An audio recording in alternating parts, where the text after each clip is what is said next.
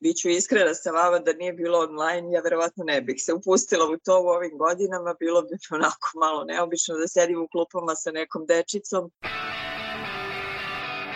Ne možete da imate platu na Malti od koje ćete da pravite neke velike štekove i neke ušteđevine i da ulažete u eventualno nešto u Srbiji. Ne, zaista. Malta je za ljude koji samo hoće da žive pristojno. Parametri koliko je neka zemlja uspešna i sigurna su zdravstvo i školstvo. Ja se zaista osjećam sigurno ovde u tom smislu.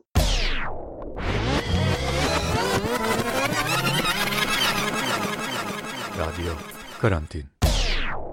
Da li biste studirali u zrelim godinama? Zašto da ili ne? Pa još na stranom jeziku. Šta su prednosti, a šta mane online studiranja? I kako to sve izgleda na Malti, zemlji koja, kako kažemo, a današnja gošća, nudi toplo vreme, more i plaže i relativno male plate. Dobrodošli u novi radio Karantin. Ja sam Aleksandar Kocić, u današnjoj emisiji u okviru serijala o imigrantskom životu Moja gošća je Ljiljana Zvicer, koja na Malti radi kao koordinator u službi za prijem stranih studenta na jednom univerzitetu. Ljiljana je u zrelim godinama rešila da se dokvalifikuje i upisala online studije na Malti.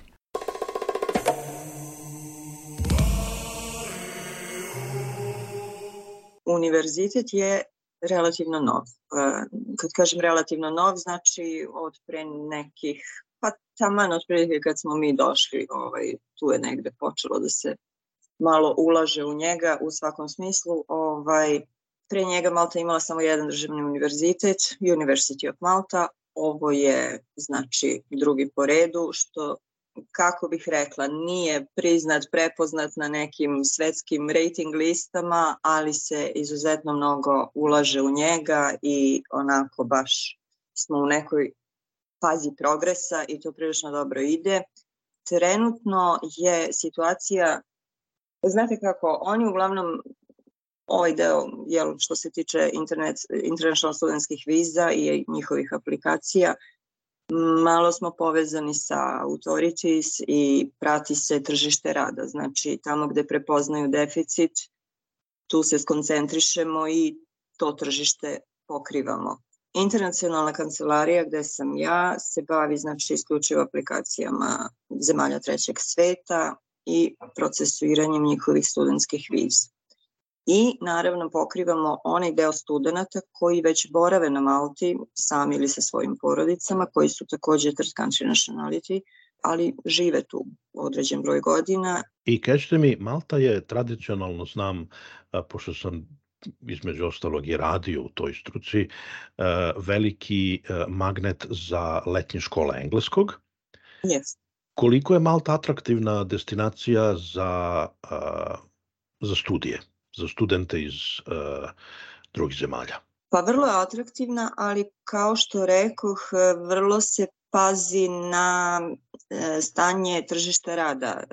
Pokrivaju se i nekako se olakšavaju uslovi za smerove koji su u deficitu. E, kao što znate, Malta je mala i populacija je nekih 400.000 lokalaca, što nije dovoljno da se pokriju radna mesta, pogotovo ne tokom sezone. E to znači, izvinite, je to znači da se studentima koji dođu da studiraju na Malti nudi mogućnost da ostanu tu? Naravno, naravno, svi oni imaju prioritet, svi oni se vode dalje, znači posebno je guidance za što se tiče napretka u smerovima koje su kompletirali. E, nije obavezno, ali se mi uglavnom trudimo da ih pratimo i dalje, da im ove, radimo sa dosta kompanija koje zapravo imamo prioritet u slanju konkursa. Prvo se pošalju nama, mi prosledimo našim studentima, tekućim ili već svršenim i ovaj, tek nakon toga, ako se baš niko ne javi, onda se oglasi oglašavaju dalje. I recite mi ukratko koja su najtraženija zanimanja? Trenutno je kao i obično u jeku sezone to je turizam, znači hospitality u svim oblastima počev od konobara, kuvara, recepcije, administracije, bookkeepinga i tako dalje. Međutim, vrlo interesantno, mimo turizma je aktuelno i to pa, neki niz godina unazad zdravstvo. Malta ima, Malta ima ovaj, veliki deficit u, u zdravstvu Medicinske sestre su izuzetno tražene, iz nekog razloga e, lokalci se slabo odlučuju da ovaj, se usmeravaju u tom pravcu, čak i oni koji pozavršavaju uglavnom odlaze u UK, tako da trenutno je situacija da mi imamo u Mater Dei Hospital ogromna lokalna državna institucija Pa ne znam tačan procenat, nemojte me držati za reč, ovaj, ali mislim da je oko 70% medicinskih sestara trenutno third country nationalities. Što je onako fenomen, kako bih rekla. Dokle će ta situacija trajati, ja ne znam, ali ovaj, trenutno radimo na tome i ja dnevno imam oko 50 aplikacija za medicinske sestre. Postoji jedan veliki problem ovaj, što se tiče nostrifikacija. Nažalost, ex-Jugoslav Republic, kompletan Balkan i tako masa tih nekih okolnih e, zemalja nemaju e, prepoznat level. Naša medicinska škola, srednja medicinska škola, nažalost je priznata samo kao level 4 i to naravno našim ljudima otežava. Mi na Malti imamo jako puno kvalifikovanih medicinskih sestara koje rade kao careri, kao klineri, ne mogu da dobiju licencu, ne mogu da rade u tom polju jer Srpska medicinska škola nije prepoznata kao level 5. Fali im određen broj sati. Transkript je sa, kako bih rekla, low hours, clinical and theories, so, e, onako, vrlo, vrlo veliki problem i radimo na tome upravo sam uključena u, u, u projekat gde se eto, pregovara sa Nursing Councilom, sa governmentom, da se napravi neki eventualno top-up za one koji su zainteresovani, pa da se to odradi level 4, sa levela 4 na level 5, pa da oni mogu da, da eto, upišu. A jel dolaze zdravstveni radnici iz Srbije? E, znate kako dolaze, ali ne rade u svojoj struci, što je jezivo. Ni lekari. Je, Lekara ima, lekara ima, ali se oni, kako bih rekla, mahom odlučuju za neke atraktivnije lokacije, jer, kao što rekao, ako poredimo primanja i standard za leko je od jedne Nemačke, Austrije, Švedske, Švajcarske, tako da ovaj, dođu, ali im to bude onako neka odskočna daska za dalje, uglavnom. Tako da to bi bilo to što se tiče lekara, a medicinske sestre su oštećene totalno i u tom smislu diskriminisane ne od strane države, nego prosto od strane međunarodnog education system nije prepoznata srednja medicinska škola i problem je veliki.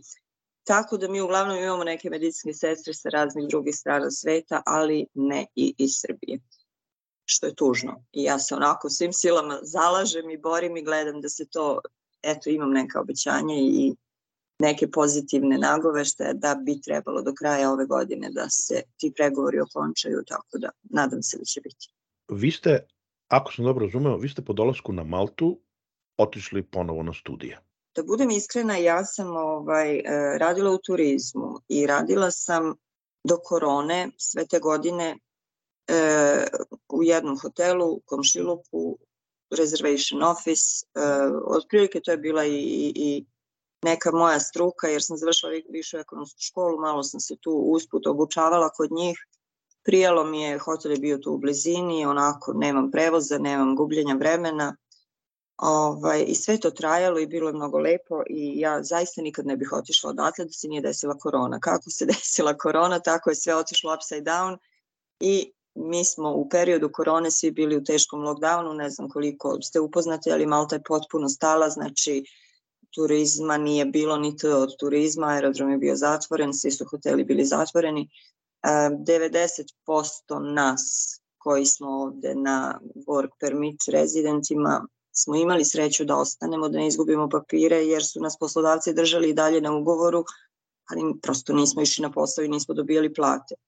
E, dobra stvar je tokom tog perioda bila ta što je government zaista tu ima odlične socijalne pakete i svi koji smo bili na tim prinudnim, kako bih rekla, godišnjim odmor, nije, nije godišnji, ali eto, pri, prinudno ovaj, kod kuće, svi smo dobijali mesečne nadoknade, e, to je bilo nekih 800 eura otprilike mesečno i svi smo bili držani na ugovorima, znači bez otkaza i bez gubitka rezidenta, jer Malta ima ovaj work i residence permit zajedno, ako izgubite jedno, izgubili ste i drugo, nažalost, tako da je ovaj, tu bilo onako vrlo opasno za ljude koji su podobijali otkaze, zaista otkaze. Ja nisam dobila otkaz, ja sam sedela eto kući i primala ta neka novčana, ovaj, imala sam ta novčana primanja od governmenta, Međutim, došla sam bila u neku fazu kad je to bilo onako, ne znate koliko će da traje. Ne znate šta da očekujete. Turizam je ugrožen pa ugrožen definitivno, vi ne znate do kada. I u tom periodu su se dešavala velika, velika, kako bih rekla, trudili su se zaista, mislim, generalno su dobro hendlovali taj period korone što se tiče i situacije u zdravstvu i što se tiče tih nekih socijalnih paketa i pomoći i zaista sam bila više nego zadovoljna tretmanom od strane države u to vreme. Bilo jako puno NGO, e, tih nekih nevladinih organizacija koje su se bavile u tom periodu dokvalifikacijom i prekvalifikacijom ljudi zaposlenih u turizmu koji su kući, znači e, beskorisni i na teretu države sede, primaju eto ta neka novčana primanja, ne rade, ne znaju dokle će to tako da traje. Ti su konkurse izlazili s vremena na vreme i ja sam srećom eto uhvatila taj jedan u kojem se nudilo to pap je bio, znači do kvalifikacija, nije bilo from scratch, oni su meni pripozna, prepoznali ovaj, moju diplomu iz Srbije, bila je prepoznata kao level 5, znači trebala mi je eto ta nadogradnja do levela 6 i veliki plus je bio što je to tada bilo free of charge, znači oni su apsolutno pokrivali troškove za sve zainteresovane u turizmu koji su izrazili želju da se prekvalifikuju ili dokvalifikuju. Ko su oni? E, kažem nevladine organizacije u saradnji sa državom naravno jer se tada jako e, su se e, zapravo kažem dobro su hendlovali kompletan taj proces jer je masa ljudi ostajala bez posla i bili smo onako bukvalno na ivici socijalne katastrofe, što bi rekli. Mislim, ako vi uzmete u obzir da cela Malta počiva na turizmu, 95% stanovništva je zaposleno u turizmu, iako pogledate da je to sve stalo, apsolutno stalo, znači vi ne znate šta da očekujete, ili totalni raspad sistema, ili eto, radilo je onih nekih posto, jel, trgovine, prodavnice, apoteke, vozači koje kakvi, šta ja znam, ali turizam je stao pa stao i kažem, tada su se onako pravili razni neki paketi, dogovori, pregovori, razgovori da se taj narod negde usmeri, da se prekvalifikuje u tom momentu. Ja sam eto iskoristila taj moment, imala sam sreće pa sam videla na vreme taj konkurs, aplicirala, prihvatili su me. To je trajalo nekih godinu i po dana. Online. Kakav vam je bio osjećaj? Biću iskrena sa vama da nije bilo online, ja verovatno ne bih se upustila u to u ovim godinama, bilo bi onako malo neobično da sedim u klupama sa nekom dečicom, ali obzirom da je bilo online i obzirom da sam ja bila onako potpuno besposlena i, i, i beskorisna, što bi rekli tih dana, išla sam od toga, ajde što da ne i što da ne probam i onako zaista sam se ovaj, dala u to sve i potrudila i obavila Trajalo je godinu i po dana, svakog dana su bili časovi, sve je bilo online i sve je bilo besplatno i ovaj, na kraju je eto prošlo tako kako je prošlo, dobila sam bachelor degree i prepoznata svugde na teritoriji Evropske unije. E, čak nisam ni dobila diplomu dva, tri meseca pre nego što je ovaj, bilo gotovo. Sam pronašla oglas za posao na mom sadašnjem univerzitetu, aplicirala i ljudi su me primili na reč, kako bih rekla, jel, dostavit ćete akorđen ali diplomu, tako da, eto, i tu sam imala sreće, počela sam da radim još pre nego što je ovaj, diploma izdata i eto, poklopile su mi se kockice, obavila sam sve to u tom periodu, da nije bilo korona i da se nisu te kockice namestile tako kako su se namestile, ja bih vjerovatno i sad bila u mom malom hotelčiću za mnogo manju platu i šta ja znam, ne, ne bi mi smetalo čak ni to, ali sam naravno mnogo srećnija što je ispalo ovako kako je, prvo naravno zbog sebe, zbog neke usudit ću se da kažem dostojanstvene starosti, a druga stvar, da budem iskrena i zbog moje dece, oni su trenutno na završnoj godini fakulteta i nekako sam imala želju da im pokažem ako mogu ja sa 50, pa možete i vi, ne smete odustati sad. Kakav je bio osjećaj studirati uh, iz dnevne sobe? Pa meni je bio okej. Okay i kažem da nije bilo tako, verovatno bi mi bilo mnogo teže, ne znam čak ni da li bih se usudila. Meni je bilo ok, ja sam inače ovaj, onako, kako bih rekli, e, volim stvari iz senke, ne volim uživo, ne volim mnogo neki auditorijum, više sam pismena nego usmena. Ovaj, meni je zaista prijalo i zaista sam se onako trudila da to odradim maksimalno. Međutim, recimo kad poredim decu, imam sina i čerku, kažem, oboje su na istoj godini, različiti smerovi i oni su bili online, oni su bili mnogo duže od mene. E, čerka je to jako teško podnela, e, njoj se nije sviđao taj koncept, ona je navikla da to bude tamo i da to bude drugačije i da to bude jel, onako kako je navikla. Međutim, sin je bio super zadovoljan i pregurali su oni to oboje i oni i ja različita iskustva. Ja sam bila ok, ja sam bila skroz zadovoljna i meni je bilo dobro. Evo, vi ste rekli u 50. ste se vratili studijama.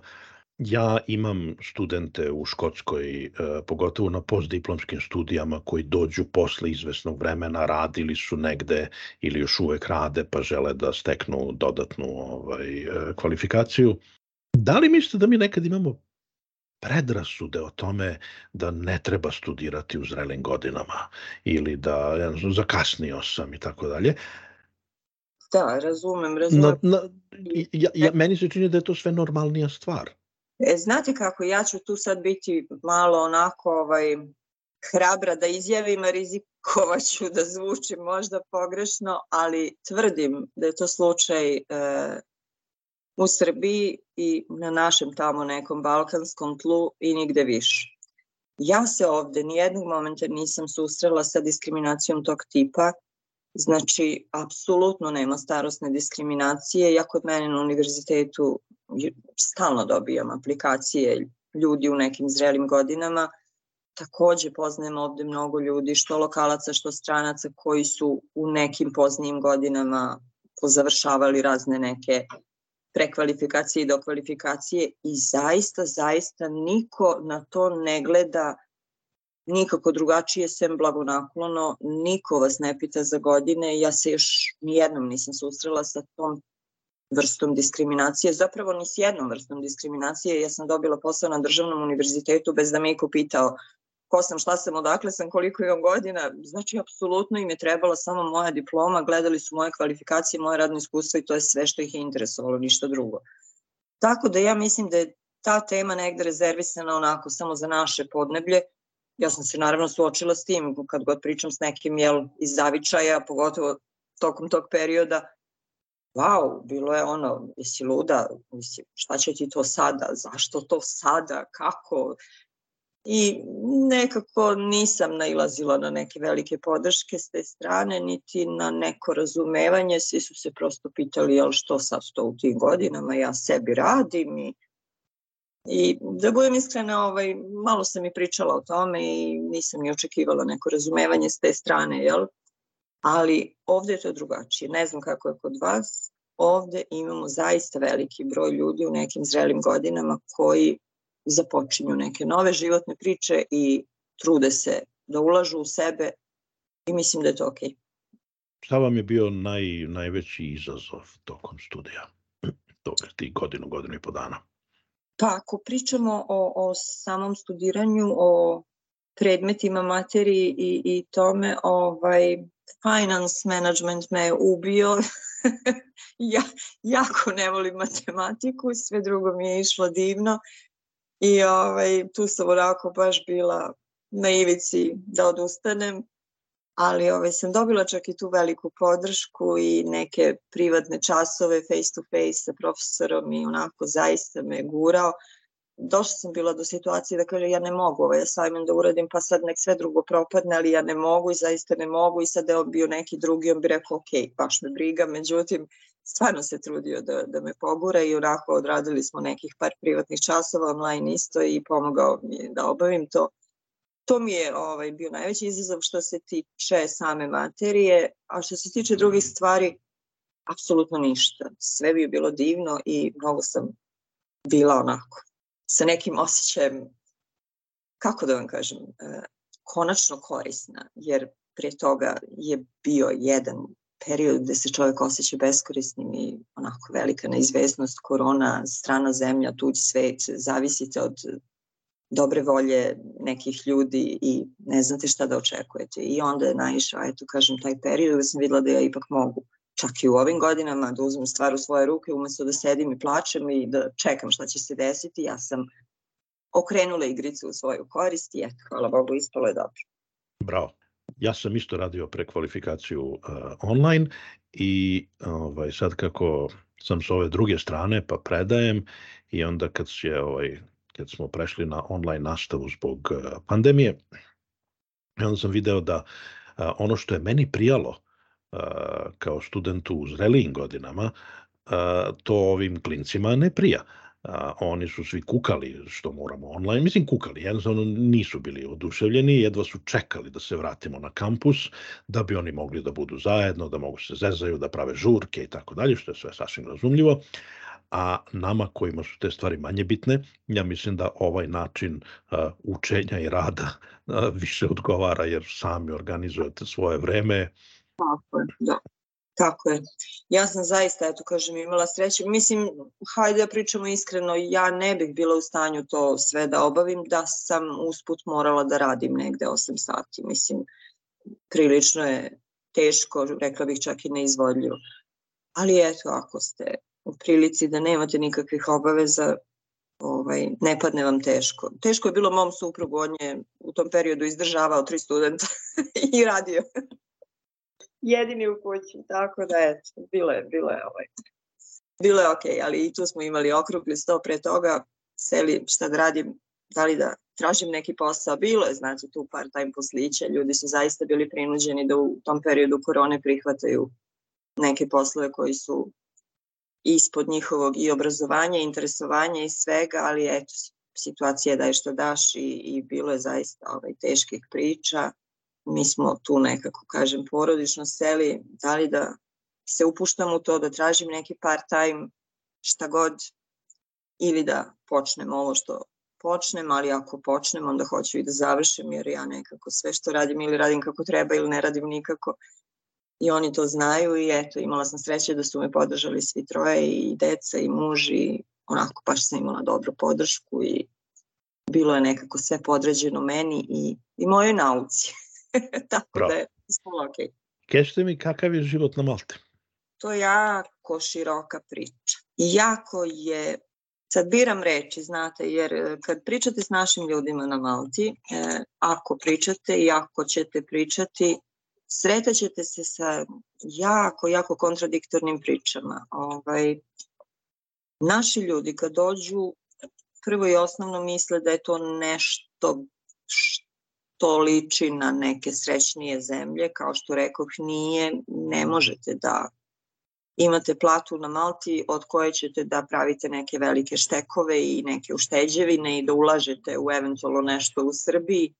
Ne, zaista. Malta je za ljude koji samo hoće da žive pristojno, da nisu nikom ni dužni ni tužni, da se ne odriču ničeg, da žive lepo i dostojanstveno, ali da nisu baš u mogućnosti da ostave sa strane neku svotu novca. E sad, znači imamo ljude koji dođu privremeno na privremeni rad, oni su pogrešili. Njima Malta definitivno nije dobar izbor i ne treba ni da bude, jer ne može. E, može da se ušteka i ponese kući jedino ako se zaista odričete svega i svačega, ako ne vidite ni sunca ni meseca, ako radite po 12 sati dnevno, ako gledate da uhvatite što više overtime-a, da ne vidite ni bioskop, ni pozorište, ni plažu, ni kafić, ni večeru, ni ručak, mislim, a to je onda tužno. I naravno takvim ljudima je Malta onda grozna i lokalci su grozni, izrabljuju i eksploatišu i šta ja znam. Ja sam tu malo onako striktna i stroga i nemam baš razumevanja za takve ljude ako ti prijatelju dođeš i ako si spreman da radiš za 5 eura po satu i da ti je jedini cilj da radiš što više sati, umesto da uložiš u sebe s neke druge strane, jer zaista, kao što rekoh, Malta nudi jako veliki broj mogućnosti za dokvalifikacije, prekvalifikacije, pa nije problem da se izdvoji par stotina eura da se uštedi pa da se eventualno uplati neka prekvalifikacija, dokvalifikacija, ako ništa drugo da se nostrifikuje diploma iz Srbije koju već posjeduješ, pa da se s te strane malo negde nekako boriš. Međutim, e, ti ljudi koji izaberu da idu tim putem su onako, rekla bih, usudit ću se da kažem izgubljeni slučajevi i onda se oni naravno vrate u Srbiju i pljuju po Malti, Malta je ovakva i onakva. I s te strane zaista jeste. Ali imate drugu grupu ljudi naših koji dođu i koji su svesni situacije i koji zaista rade na sebi i koji zaista usavršavaju kao prvo i jezik, kao drugo rade na nekim trenutno traženim konkursima, pa u tom smeru razmišljaju i oni se vrlo lepo snađu i za kratko vreme ovaj, se uklope i žive dobro. I to su ljudi koji ne planiraju da se vrate. Tu je velika razlika. Vi znači ne radite da biste uštedeli i poslali u Srbiju, nego radite prosto da živite jedan normalan život i, i to je okej. Okay. Tako da tu ima onako širok spektar nekih argumenta za i protiv. Konkretno mi smo došli da ostanemo, tako da mi nemamo problem tog tipa, daj da što više radim, što više zaradim i što više uštedim. Ne štedimo, radimo lepo, živimo lepo, nismo ničeg željni, ne odričemo se ničeg. E, s druge strane, usudit ću se da kažem i to da Malta nije za većinu naših ljudi koji su onako treba biti open mind, Malta je sudar svih mogućih kultura, rasa, vera, običaja, tradicija, i ako niste široki u tom smislu nemate šta da tražite ovde. Tako da ovaj, i tu naši ljudi imaju problem, znate, smeta im to šarenilo nacija. Meni je, je tako mala, Jest. Malta je šarena. Šta je za vas najlepši uh, aspekt života na Malti? Znate kako, kad pričamo o Malti, o Malti kao Malti, ja ne mogu da, da tvrdim da je Malta wow u svakom smislu. Malta ima da radi mnogo na sebi i mno, mnoge stvari trebaju da se ovaj, improve. Da se poboljšaju. Jeste. Međutim, za neke moje kriterijume, parametri koliko je neka zemlja uspešna i sigurna su zdravstvo i školstvo. I te dve stvari su mi jako važne. Ja se zaista osjećam sigurno ovde u tom smislu jer tvrdim da je mojoj deci pruženo adekvatno školstvo, znači kvalitetno priznato i besplatno školstvo, a s druge strane jako mi je važan i taj segment ako pričamo o zdravstvu u ovim nekim godinama, a naravno čak i u mlađim, ako nemate osjećaj sigurnosti u zdravstveni sistem, ako ne možete da se lečite, da se kontrolišete, ako plaćate neko zdravstveno osiguranje koje vam ne znači ništa, mislim o čemu pričamo onda. Tako da s te strane ovaj, te dve stvari su mi jako bitne i tu sam našla sve kako treba. A s druge strane što se tiče samog života, kažem ja sam ok sa svim tim nekim stvarima sa kojima drugi ljudi nisu, jer mene zapravo ovaj, ispunjava to šarenilo i ja volim da radim sa ljudima koji dolaze sa svih strana sveta i da upoznajem njihove običaje, tradiciju, jezik, kulturu, probleme. Nisam ksenofobična, nisam zatvorena u tom smislu i to mi je okej. Okay. Je li imate osjećaj skučenosti? Pa da, mnogo ljudi se žali na... Pitamo na... zato što je malo ostrvo, relativno malo. Malo je, jeste, malo je i priznajem malo klaustrofobično s vremena na vreme, pogotovo u nekim kišnim mesecima van sezone, ali ovaj, ja sam sebe ubedila da mi je ok jer smo mi pored mora. Ne bih mogla da živim u unutrašnjosti, znači obala mi je važna, pa sad tu onda lakše nekako preguram taj osjećaj skučenosti, ono kad pukne pučina ispred vas sve, sve podnošljivo. Kad živite na moru, to moram da vas pitam jer ja ovaj, sam nešto malo u životu živeo na moru, nedovoljno. Edinburgh ne računam, pošto to nije to. Jeste i vi onaj postali tipični stereotip uh, lokalci koji u stvari više ni ne idu na plažu? O da, o da. A nažalost, da. Ne da ne idemo na plažu, idemo, ali ovaj, željno čekamo da se ti svi turisti raziđu, pa onda mi idemo. idemo uglavnom u septembru, ponekad čak i u oktobru, lažem, idem i tokom sezone, ali ovaj, da vam budem iskrena, ne smeta mi mnogo gužva i, i sad ja to malo karikiram, nisu problem turisti, problem su vrućine.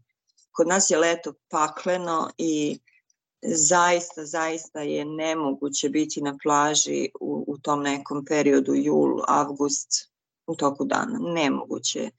Mi nekad imamo situaciju da su plaže pune uveče i noć, po celu noć se ljudi kupaju, reflektori su svuda, prave se tako raznorazni neki događaji, eventi, piknici tokom noći.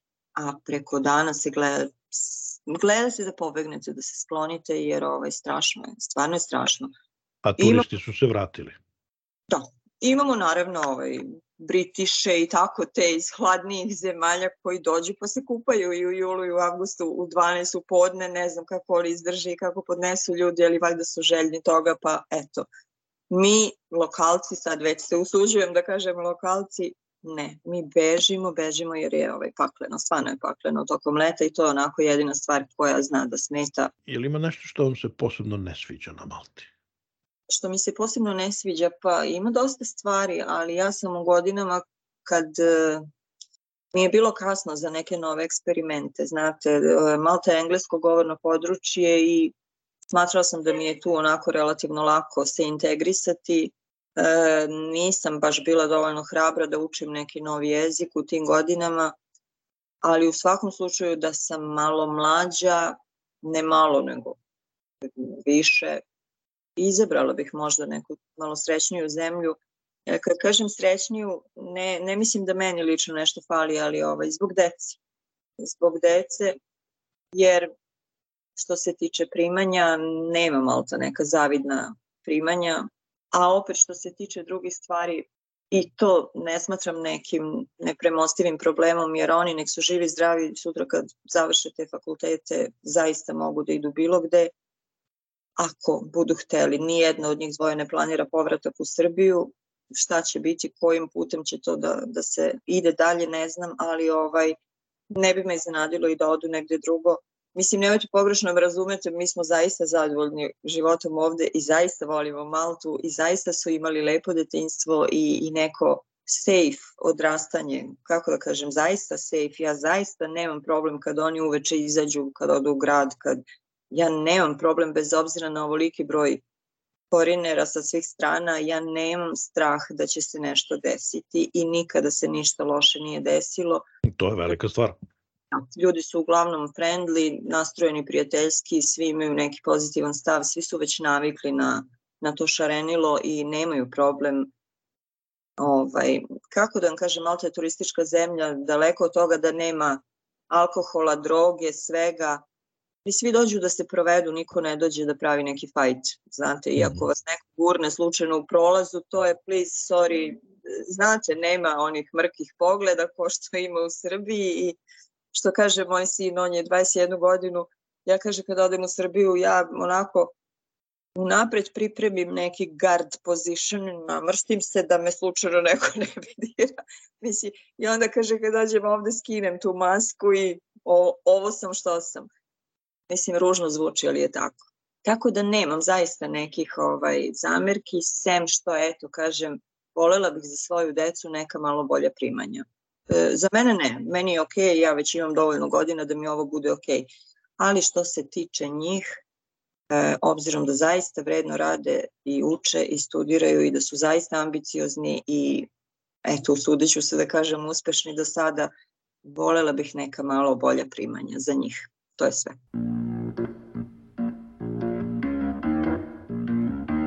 Radio karantin.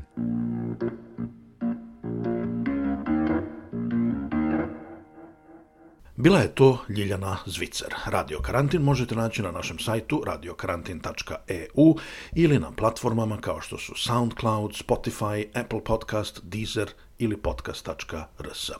Gde god da ste nas našli, ostavite nam ocenu ili komentar, na taj način pomoći ćete i drugima da nas nađu. Veliki pozdrav iz Glaskova.